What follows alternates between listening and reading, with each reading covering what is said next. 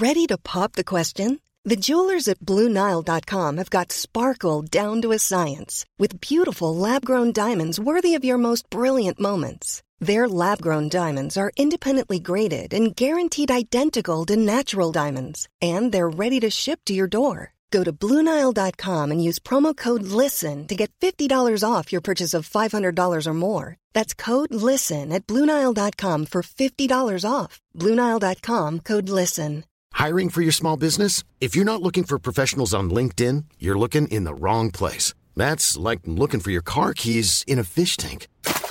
LinkedIn helps you hire professionals you can't find anywhere else, even those who aren't actively searching for a new job but might be open to the perfect role. In a given month, over 70% of LinkedIn users don't even visit other leading job sites. So start looking in the right place. With LinkedIn, you can hire professionals like a professional. Post your free job on linkedin.com slash people today. Burrow's furniture is built for the way you live. From ensuring easy assembly and disassembly to honoring highly requested new colors for their award-winning seating, they always have their customers in mind. Their modular seating is made out of durable materials to last and grow with you. And with Burrow, you always get fast, free shipping. Get up to 60% off during Burrow's Memorial Day sale at burrow.com slash ACAST. That's burrow.com slash ACAST. burrow.com slash ACAST.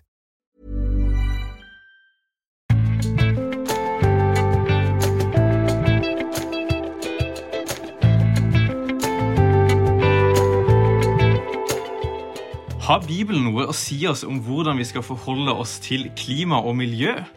Og hva har egentlig vegetarianisme med Bibelen å gjøre? Dette er Tore og Tarjei, en podkast av dagen. Som du hører, så er ikke dette til stemmen til verken Tore eller Tarjei. Og her i studio så sitter ei heller noen av disse. Dette er rett og slett en sommervikar-takeover-episode. Og det er meg, Sølve, og min kollega Daniel som skal ha denne episoden. Hei, Daniel. Hei, Sølve. Men vi er ikke alene her i studio. Med oss i studio har vi også Jan Rantrud. Og Jan han er tidligere høyskolelektor i teologi ved NLA-høgskolen i Bergen. Men også nyter han livets glade dager som pensjonist. Han har spesialisert seg innenfor Det gamle testamentet, særlig tematikken knytta til skapelse og urhistorien, altså de første tolv kapitlene i Første Mosebok. Ganske snevert, vil noen si. Ganske så interessant, vil andre si.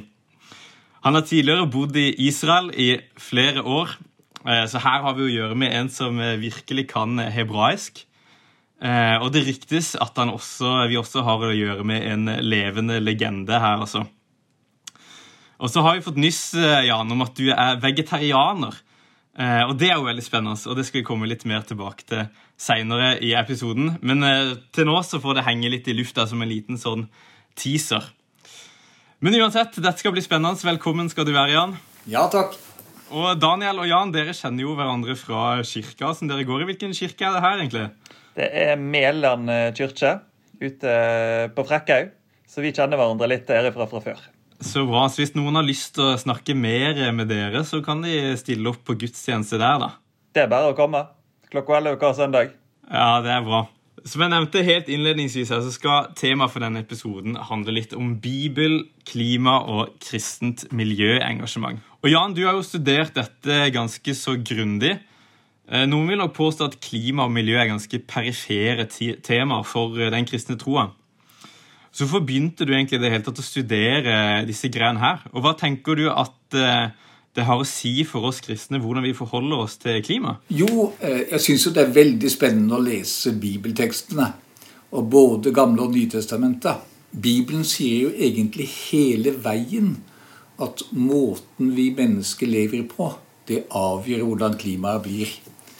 Eh, altså Den første store episoden med det det er jo historien om syndfloden. Det er jo en historie om hvordan klimaet gikk helt i stykker der. Og grunnen til at den kom, det var at menneskene var onde, står det.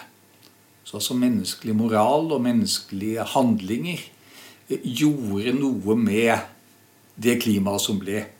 Og dette gjentar jo Bibelen hele veien. 10-20 eh, ganger kanskje gjennom både Gamle og Nye testamentet. Hvis vi følger Guds vilje, så, sender han regn i rette tid, og ikke regn i rett tid. Men hvis vi bryter Guds vilje, så går klimaet i stykker, og da går også hele livet vårt i stykker. Så Bibelen har snakket om menneskeskapt klimakrise i mange tusen år før vi begynner å snakke om det nå i nyheter og sånn. Så det er faktisk et, det er et sentralt bibelsk tema. Ikke, ikke noe perifert i det hele tatt. Mm. Er, det, er, det, overførbart uh, til i dag? Du snakker om, om, om menneskets ondskap. Uh, hvordan skal en forstå det, det i dag? Uh, altså, hvordan skal en f.eks. møte de som kommer med motforestillinger som at den, den, kristne tro eller den kristne kirke ikke har noe med klima å gjøre? Det er et rent politisk og ikke et, ikke et trosspørsmål. Nei, jeg, jeg tror ikke det går an å skille mellom politikk og tro. Altså, Du kan ikke skille liksom Dele opp livet i sånne eh, eh, vanntette båser, fordi at det, det, finnes ikke.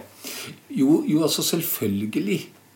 Siden Bibelen jo snakker om hele livet, hele tilværelsen vår, så er det med hvordan eh, klima og naturen er, det påvirker jo oss hele tiden. Og når Gud har gitt klart uttrykk for sin vilje om hvordan vi skal oppføre oss i denne verden, så har det selvfølgelig konsekvenser for hvordan vi lever og hva vi, hva vi opplever hele tiden. Jeg syns faktisk ikke det er noe rart i det hele tatt. Du nevner litt denne uh, syndflodberetninga. Sånn. Kan du si noe mer om hva Bibelen egentlig har også å si om eh, klima og hvordan vi bør forholde oss til det? Jo, den begynner jo med å si at vi har, vi har ansvaret eh, for hvordan vi lever her på den jorden som Gud eier. Og en del av jorden og verden, det er jo nettopp det klimaet vi har. Og, og som jo avgjør bl.a. hvor mye mat vi får. Altså Bibelen snakker jo både om rent sånn privat og personlig frelse, men også om uh, hvordan det går med, med, oss, med hele menneskeheten og hele verden. Og det er veldig, veldig tydelig at den sier at hvis vi følger Guds vilje, så sender han de klimaforholdene som vi trenger. Og hvis ikke, så går det så, så ødelegger vi alt, inkludert oss selv.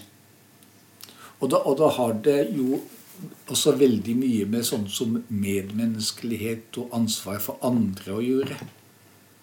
Fordi at om vi Altså, vi er jo så rike at vi vil klare oss lenge.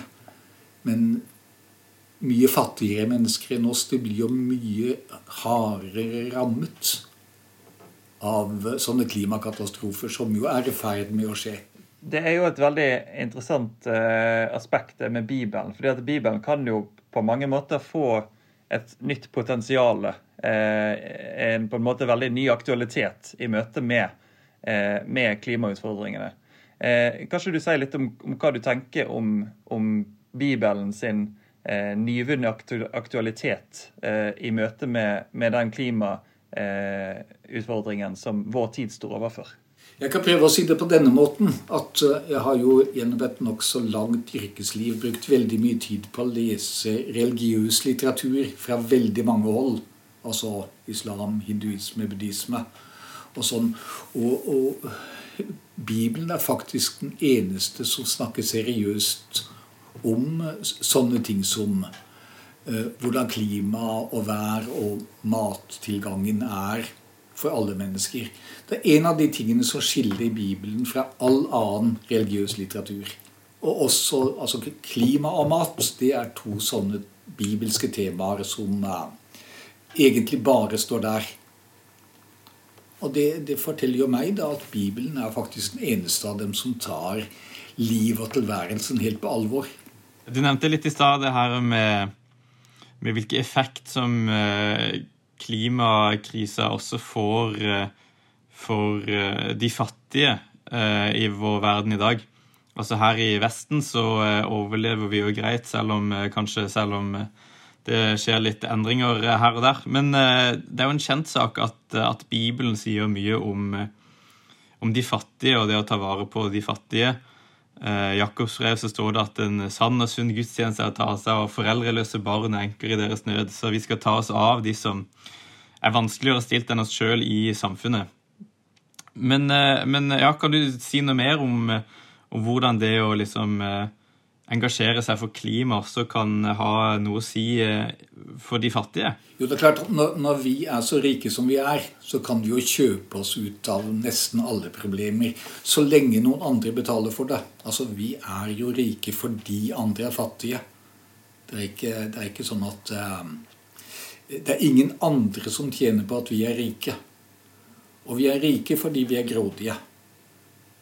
Og det har jo vært menneskehetens store problem helt fra begynnelsen av.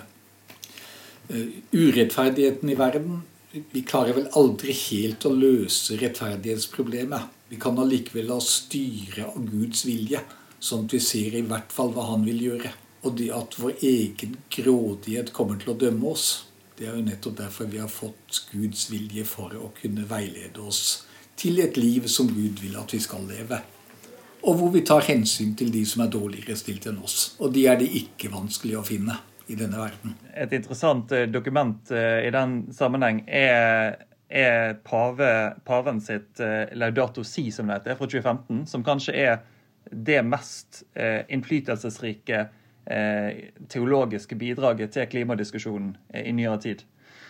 Og der, der gjør rett og slett paven dette til et hovedpoeng. da at ut ifra nestekjærlighetsbudet eh, så eh, kaller han til omvendelse. Eh, og Det interessante med dette skrivet er at paven faktisk helt eksplisitt tilføyer det til den gjeldende katolske læra.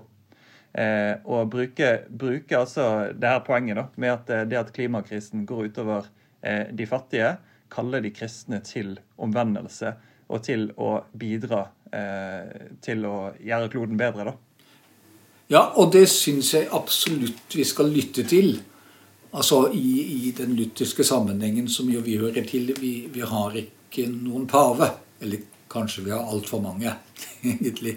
Men uh, vi skal jo lytte til alt som er bibelsk sant.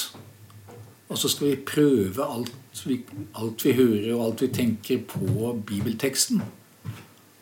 Og så holder vi fast på det som er godt og sant. Kan du si noe mer om sånn eh, Hvordan har liksom eh, forholdet mellom kirka og, og klima vært opp gjennom eh, historien? I dag så får jo dette liksom eh, spørsmålet ny aktualitet, da. Men, men hvordan har liksom ja, forholdet vært mellom naturen og de kristne opp igjennom?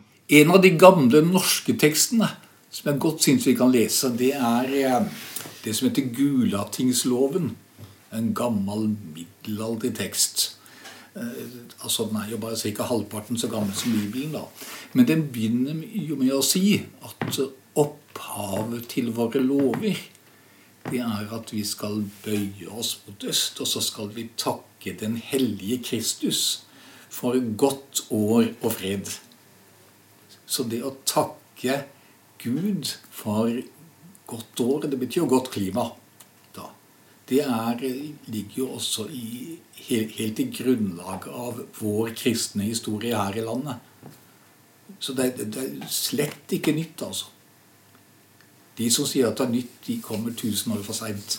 Og, og, og, man har hatt det hele tiden opp gjennom kirkehistorien, altså også den internasjonale kirkehistorien. Og det er egentlig bare at av og til har vi satt litt forskjellige navn på det. Men det, det betyr jo ikke noe. Altså godt år og rikelig med mat til alle, det er eh, tilsvarende termer som det vi nå, nå snakker om. Sånne ting som klima og natur og miljø. Det er jo mange som vil si at kirka har, eh, har kommet litt etter på, på klimaspørsmålet likevel, da. Eh, han ble litt kritisert for det. Kanskje du sier litt om det? Jo, det er vel litt, litt typisk for, for, Kirken, både den norske og, og andre, det at den, den kommer litt seint i gang med ting. Men når den først kommer i gang, så kommer den veldig godt og grundig i gang. Det, og, så på en måte gjør det ikke noe om at den ikke er eh, helt i forkant med alt bestandig. Men eh, eh, den har eh, veldig styrke i det at den kan være seriøs, veldig seriøs med det den først finner på å gjøre. Og begynner å skjønne at noe er riktig, så, så gjør den det. Så jeg har egentlig ganske stor tillit til, til den norske, også Den norske kirka akkurat der. Og så er jo en litt sånn interessant historisk bakgrunn når det kommer til kirka sitt forhold til klima, eh, er jo at når sekulariseringen eh, av, eh, av kirka og Vesten vokste fram fra reformasjonen av, er det vanlig å regne, så vokste etter hvert fram en forståelse av at teologien ikke har noe med naturen å gjøre. Det var biologien sitt område. Og Særlig pga. et sånt stadig skarpere skille mellom Gud og altså Gud som skaper og det skapte. Eh, så, så, kan det kanskje være et moment som har spilt inn på, på eh, hvorfor Giorgio ikke har kommet raskere i gang. da. Ja, altså Hvis man vil lese noe om, eh, om Gud og verden som liksom bare har med den personlige og private frelse å gjøre, så leser man feil bok hvis man leser Bibelen. Vil jeg mye heller anbefale Koranen. Den er mye mer sånn eh, direkte personlig henvendt hele tiden. Men, men, men, men, bibelteksten er altså faktisk noe helt annet. Og skiller seg fra all annen religiøs litteratur på den måten.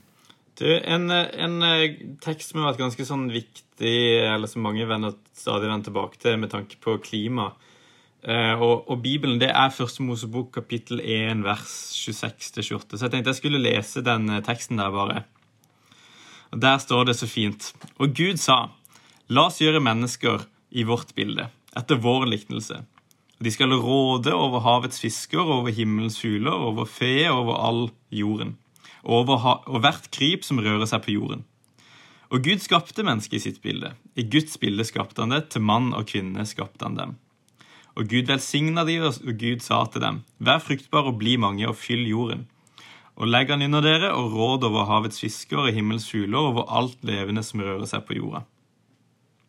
Så her er det faktisk et dobbelt bud om at menneskene de skal råde over jorda og dyrene på, som er der. Eh, hva, hva, betyr egentlig den eh, teksten her, og hva handler den om? liksom? Ja, egentlig er det, så er det jo tre ting. For det er også snakk om uh, uh, dette velsignelsesutsagnet inni her. Altså dette med å styre og råde over alt annet liv. Eh, hvis vi ser på hvordan det er skrevet, så ser vi at det er brukt akkurat samme slags uttrykk som det står om hvordan Kristus styrer menigheten. Og, og, Kristus er jo menighetens overhode ved at han ga seg selv for den. Det kristne kirke er ikke noe som, som han bare bruker opp, liksom. Han ga seg selv for den, og, og da sier altså den nytestamentlige forståelsen av den gammeltestamentlige forteksten, det er jo at vi skal ha samme forholdet til naturen som det Kristus har til oss. Og det betyr jo egentlig noe helt annet enn det vi faktisk holder på med å gjøre. Altså Jeg har lyst til å si litt også om dette med skapt i Guds bilde. Det sier to ting. Det ene er at akkurat ordene som er brukt Altså Guds bilde og Guds lignelse, selv, måtte, mot, etc. Uh, det går på utseendet. Altså vi ligner utenpå på slik Gud ville vært hvis han hadde vært synlig. Kristus kom i menneskets lignelse. Han så ut akkurat som en av oss. Og, og, og var derfor en av oss.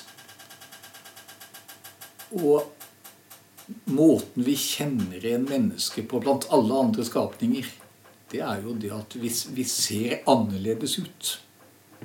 Vi, vi, er ikke like noen andre utenpå.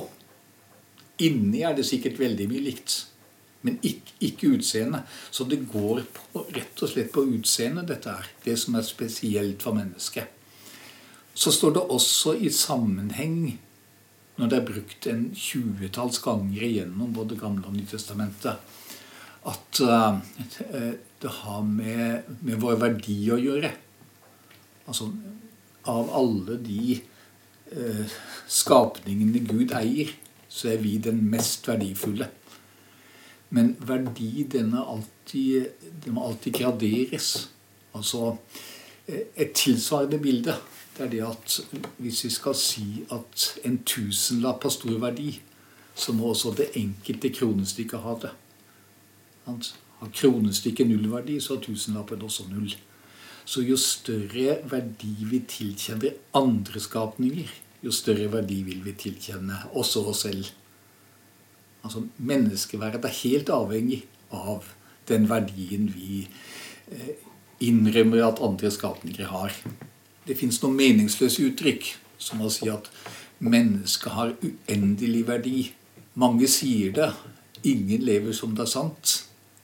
Absolutt ingen gjør begge deler. Det er ikke mulig. Og å si at hvis andre skapninger har nullverdi, så har vi også nullverdi. Samme hva du ganger med null, så blir det null. Vi har en del sånne meningsløse uttrykk som jeg syns vi kunne kvitte oss med med en gang. Men vår verdi avhenger av den verdien vi tilkjenner skaperverket rundt oss. Hvordan, eh, hvordan lever vi på en måte ut det her i vårt liv, da, sånn rent konkret? Hva, hva, hva konsekvens får det for våre liv? For det er jo eh, det er på en måte, Nå snakker vi om forståelsen vår av skaperverket og forståelsen vår av mennesket. Eh, men hvordan kommer det til uttrykk i vårt liv? Hvordan påvirker det oss? Jeg syns at det kommer eh, altfor dårlig ut. Og derfor er eh, denne verden blitt så ødelagt som den er blitt. Altså både med urettferdigheten og med måten vi jo ødelegger verden på. Eh, og dette begynte jo helt fra begynnelsen. Historien om Adam og Eva i Edens hage. De fikk jo livet og det de skulle arve, det fikk de ødelagt fordi de var grådige. De måtte ha akkurat den der ekstra frukten bare fordi de hadde lyst på den. Og det er jo sånn vi jo faktisk lever hele tiden. Et annet ord for det, det er jo arvesynd. Han som, som har ødelagt livet for alt og alle. Tydelig ifølge bibelteksten ikke finnes noen annen utvei av det enn, enn den som Kristus gir. Altså, så Dette er så grunnleggende at vi nesten ikke ser det. akkurat som om Vi ser ikke alltid bakken vi går på, men det er helt eh, fundamentalt for hele livet og hele troen. Måten vi forstår de her eh, ordene på Du er inne på mye interessant der. altså Både liksom ordene hvordan vi forstår eh, rådet, og at det må knyttes opp til hvordan Kristus råda i kirka, og Adam og Eva i hagen osv. Eh, vi har jo kanskje i dag mange sånn negative assosiasjoner til det her ordet og rådet. Vi tenker på eh, utnyttelse og så videre og sånt. Men eh, en tekst da, som jeg har tenkt på når jeg leste, leste meg litt opp på det her nå, det er Første Mosebok kapittel 2, vers, vers 15 som kanskje kan gi en liten sånn fortolkningsnøkkel til hvordan vi forstår det. For der står det at Og Gud, Herren, tok mennesket og satte ham i Edens hage til å dyrke og verne den. Og en, en teolog som heter eh, J.K. Beale, en, en, dyktig teolog, han trekker fram det at disse ordene på hebraisk, eh, disse dyrke og verne, oftest bruker i en sånn prestelig sammenheng heller enn en sånn landbrukssammenheng. Altså om, om prestene sin tjeneste, at det å dyrke og verne ofte blir brukt til å oversette det å tjene Gud og det å ta vare på Guds ord. Eh, så En implikasjon som jeg tenkte av dette, kan jo faktisk være at det å dyrke og ta vare på jorda, altså en sånn god utnyttelse av jorda, faktisk kan være en tilbedelse til eh, Gud i seg sjøl. Eh, at ikke det handler om liksom en sånn grov utnyttelse for, ja, for egen vinnings skyld, på en måte. Ja, det, det, tror jeg egentlig er helt riktig. Altså, det, er brukt veldig spesielle ord. Det første å dyrke eh, å tjene. Altså, ordet brukes også om å være et slave for. Vi skal være jordens slave. er det faktiske, det det står der. Og, og så står det et ord som betyr å ta vare på eller vokte. Altså vi skal tjene jorden, og vi skal vokte den. Og det er jo nettopp slik vi kan samarbeide med den jorden vi lever på. Da vil den nære oss når vi tjener jorden. Eh, veldig, veldig gode og veldig velvalgte uttrykk i, i Det nye testamentet der. Og igjen der så kan de som heller vil ha noe annet, anbefales da annen litteratur. Hvor det står at Gud har gitt jorden til mennesket for at de skal bruke den. Altså til, at jorden er til, bare til nytte for mennesket. Da vil jeg også anbefale Koranen. Eh, har du noen tanker om hva vi kristne kan gjøre sånn helt konkret eh, med tanke på eh, forvalteransvaret? Hvordan kan vi ta vare på jorda? Altså Det er klart det er noen sånne opplagte ting liksom, som, som er i, i sånne politiske debattema, sånn som energibruk og bruken av fossil energi og sånt, som er Som selvfølgelig er veldig viktig. Altså Bare for å få muligheten til å ta fram en egen favoritt. da. Det aller viktigste i livet vårt, det er jo det vi spiser. Det er jo mat. De som tror at det ikke er det viktigste i livet, de kan prøve å leve uten mat noen dager. Og så se hva det blir. Altså, selvfølgelig er det Og det er ingen som snakker så mye om mat av all religiøs litteratur jeg har lest, i hvert fall. Det er noen tusen sider. Som, som det Bibelen sier. Og det vi spiser, det påvirker jo eh, eh, miljøet og hele verden mer enn noe annet, faktisk. Og Derfor snakker Bibelen så veldig mye om mat. Vi må huske, huske på at alt som gikk galt, det begynte med at noen spiste noe de ikke skulle spise. Det er jo det syndefallet i Eds hage betyr. Og det var det eneste de gjorde. Det står ikke noe om ulydighet eller noen sånne ting. Det står bare at de spiste det Gud hadde forbudt dem å spise. Og det gjorde de selv om de hadde alt de trengte ellers. Så mat bør vi kristne snakke mye, mye mer om. Og du, du, Jan, du har jo eh, kanskje noen enda mer konkrete tanker om mat, bare enn at vi må snakke mer om det. Du er jo eh, vegetarianer og har vært dette eh, i bortimot 30 eh, år, stemmer det? Ja, noe sånt. Ja, det er vel mer, egentlig. Men ja, ja da. Og Dette er noe du begrunner med Bibelen og den kristne troa. Kan du si noe om hvordan det henger sammen, dette med vegetarianisme og Bibel og kristen tro? ja, ok. Eh, jeg skal prøve. Igjen er det helt, grunn, helt grunnleggende. Eh, I skapelsesberetningen så står det om hva vi skal spise. Alt det grønne som vokser. Det står også at alle dyrene skal spise det, og det syns jeg er mye vanskeligere. Altså Man kan snakke om mennesker som kan være vegetarianere, men jeg har i hvert fall aldri kommet noen vei med katten. Jeg har prøvd å si det samme når det gjelder dyrene. Men, men i hvert fall, det er eh, Og likeledes i Edens hage snakker også veldig mye om mat. Jeg gir dere alt det som vokser på trærne til å spise, men akkurat det der må dere ikke spise. Og vi husker på at sentralt i den kristne tro og gudstjeneste så er jo nettopp det fellesmåltidet vi har i nattværen. Og hvor vi jo har en fast meny. Og jeg tror egentlig alle er enige om at nattværen ville ikke vært det samme hvis det hadde vært uh, med kebab og Coca-Cola. Liksom. Det, det, er, det, er, brød og vin. Rent vegansk, vegansk måltid er i sentrum av det kristne fellesskapet. Så en av disse religiøse begrunnelsene man, man, man, kan bruke. Men det fins mange, mange flere. Ser du på det som et, på det som et, et, et kristent uh, bud, eller en kristen dyd, eller det er en oppfordring fra Nytestamentet uh, som du kan velge sjøl? Eller hva, hva, på en måte grad av, av bud eller bare oppfordring, skal vi si det? Ja. Nei, altså det er vanskelig å si at det er et bud når det ikke står akkurat med så mange ord at vi får en retning å leve etter.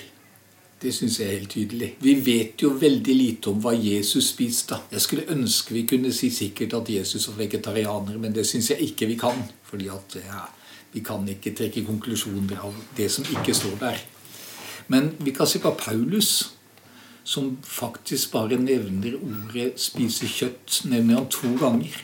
Og begge ganger sier han 'dette er noe jeg aldri ville gjort'. Det betyr ikke at Paulus nødvendigvis var vegetarianer, men det, er, eh, det har litt med oversettelsen å gjøre. Altså kjøtt heter krea på gresk, mens ordet broma det betyr all slags mat. Og krea sier han, bruker han to ganger og sier 'dette ville jeg aldri spist'. Hva, hva, oppfordring vil du gi til eh, kristne som har lyst til å ta på alvor eh, det her med hvordan en spiser, men som samtidig ikke har lyst til å gå hele veien og bli vegetarianer eller veganer? Det er, det er litt på samme måte som meg, da. Jeg jukser litt fordi jeg spiser sjømat. Ja, en av konsekvensene etter et nokså langt liv da på den måten, det er det at uh, altså Bortsett fra noen fysiske skader, så er, så er jeg jo aldri sjuk. Jeg er så frisk at jeg tør nesten ikke si det høyt. Jeg trenger aldri medisiner eller kosttilskudd eller noe sånt tull. Jeg lever veldig, veldig godt sånn. Helt uten kjøtt og melk. Og det, det sånn, sånn når det gjelder rent personlig og helse og sånn, så syns jeg det er godt nok råd. Vi trenger aldri å spise eh, noe av det som reklameres for hele tiden. Og dessuten, vi kunne produsere veldig mye mer mat hvis vi hadde brukt jorda til å eh, produsere mat i stedet for å bruke den til fôr til husdyr, hvor vi mister 90% av matverdien som sånn eh, liksom tommelfingerregel. Altså Det krever ti ganger så stort areal for et kjøttmåltid som du gjør for å, om direkte det som kommer opp av jorda. Så da kan rett og slett eh, det å være vegetarianer være et godt eh, tiltak for å forvalte og ta vare på det klimaet som vi har gitt? Ja, det er et veldig godt tiltak. Og det, det tror jeg det er veldig god dekning for å si. Men så, men så må man jo selvfølgelig skille, da. Altså, det, er ikke, det er ikke alt som er like ille. Uh, Sånn, sånn, som her hos oss. Altså storfekjøtt og sauekjøtt er jo det verste. Eh, kylling og gris er ikke så ille. Og det er forskjell på industriell matproduksjon og sånne ting som jakt. Altså, Jeg deltar ikke i jakt selv fordi jeg syns det er feigt å skyte på noe som ikke kan skyte igjen. Men uh, uh, altså selvfølgelig må man skille og gradere her. Men, men, det å leve helt uten kjøtt og melk, det går eh, ja, det går altså så bra at det var så vidt jeg tør å si det. Så det går an å ha en litt praktisk eh, tilnærming til det, da?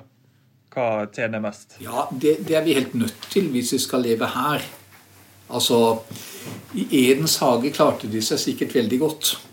Og det var jo sikkert også fordi de Altså klimaet var et annet. Mat og klær var ikke noe problem for dem i det hele tatt. Men uh, her i denne verden og denne delen av verden, så, så, må vi selvfølgelig gjøre en del ting annerledes. Men, men, vi kan godt være bevisste på at vi ikke gjør det verste hele tiden. Og at vi ikke bare lar grådigheten styre det vi gjør. Men øh, tenke over hva vi spiser. Øh, hva det betyr for de som ikke har noe å spise. Hvor mye mat tar vi ut av munnen på de fattige? Det syns jeg vi skal tenke på hele tiden. Du, eh, Jan, tusen takk eh, for dette. Det har vært en eh, fryd å snakke med deg. Dette er jo dette veldig tankevekkende. Det håper jeg det har vært for dere som lytter på også. Og Da gjenstår det bare å takke for følget. Du hørte på Tore og Tarjei, en podkast av Dagen.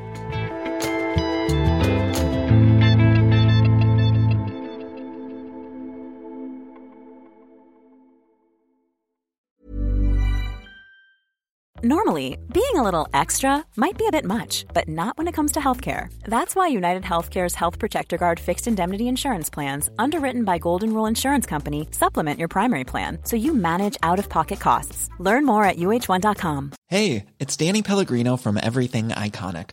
Ready to upgrade your style game without blowing your budget? Check out Quince. They've got all the good stuff shirts and polos, activewear, and fine leather goods all at 50 to 80% less than other high-end brands. And the best part? They're all about safe, ethical, and responsible manufacturing. Get that luxury vibe without the luxury price tag. Hit up quince.com slash upgrade for free shipping and 365-day returns on your next order. That's quince.com slash upgrade. When you make decisions for your company, you look for the no-brainers. And if you have a lot of mailing to do, stamps.com is the ultimate no-brainer. It streamlines your processes to make your business more efficient, which makes you less busy. Mail checks, invoices, legal documents, and everything you need to keep your business running with Stamps.com. Seamlessly connect with every major marketplace and shopping cart. Schedule package pickups and see your cheapest and fastest shipping options from different carriers. With rates up to 89% off USPS and UPS rates. And with the Stamps.com mobile app, you can take care of mailing and shipping wherever you are. Make the same no brainer decision as over 1 million other businesses with Stamps.com. Sign up with Code PROGRAM for a four week trial, plus free postage and a free digital scale. No long term commitments or contracts. That's Stamps.com. Code PROGRAM.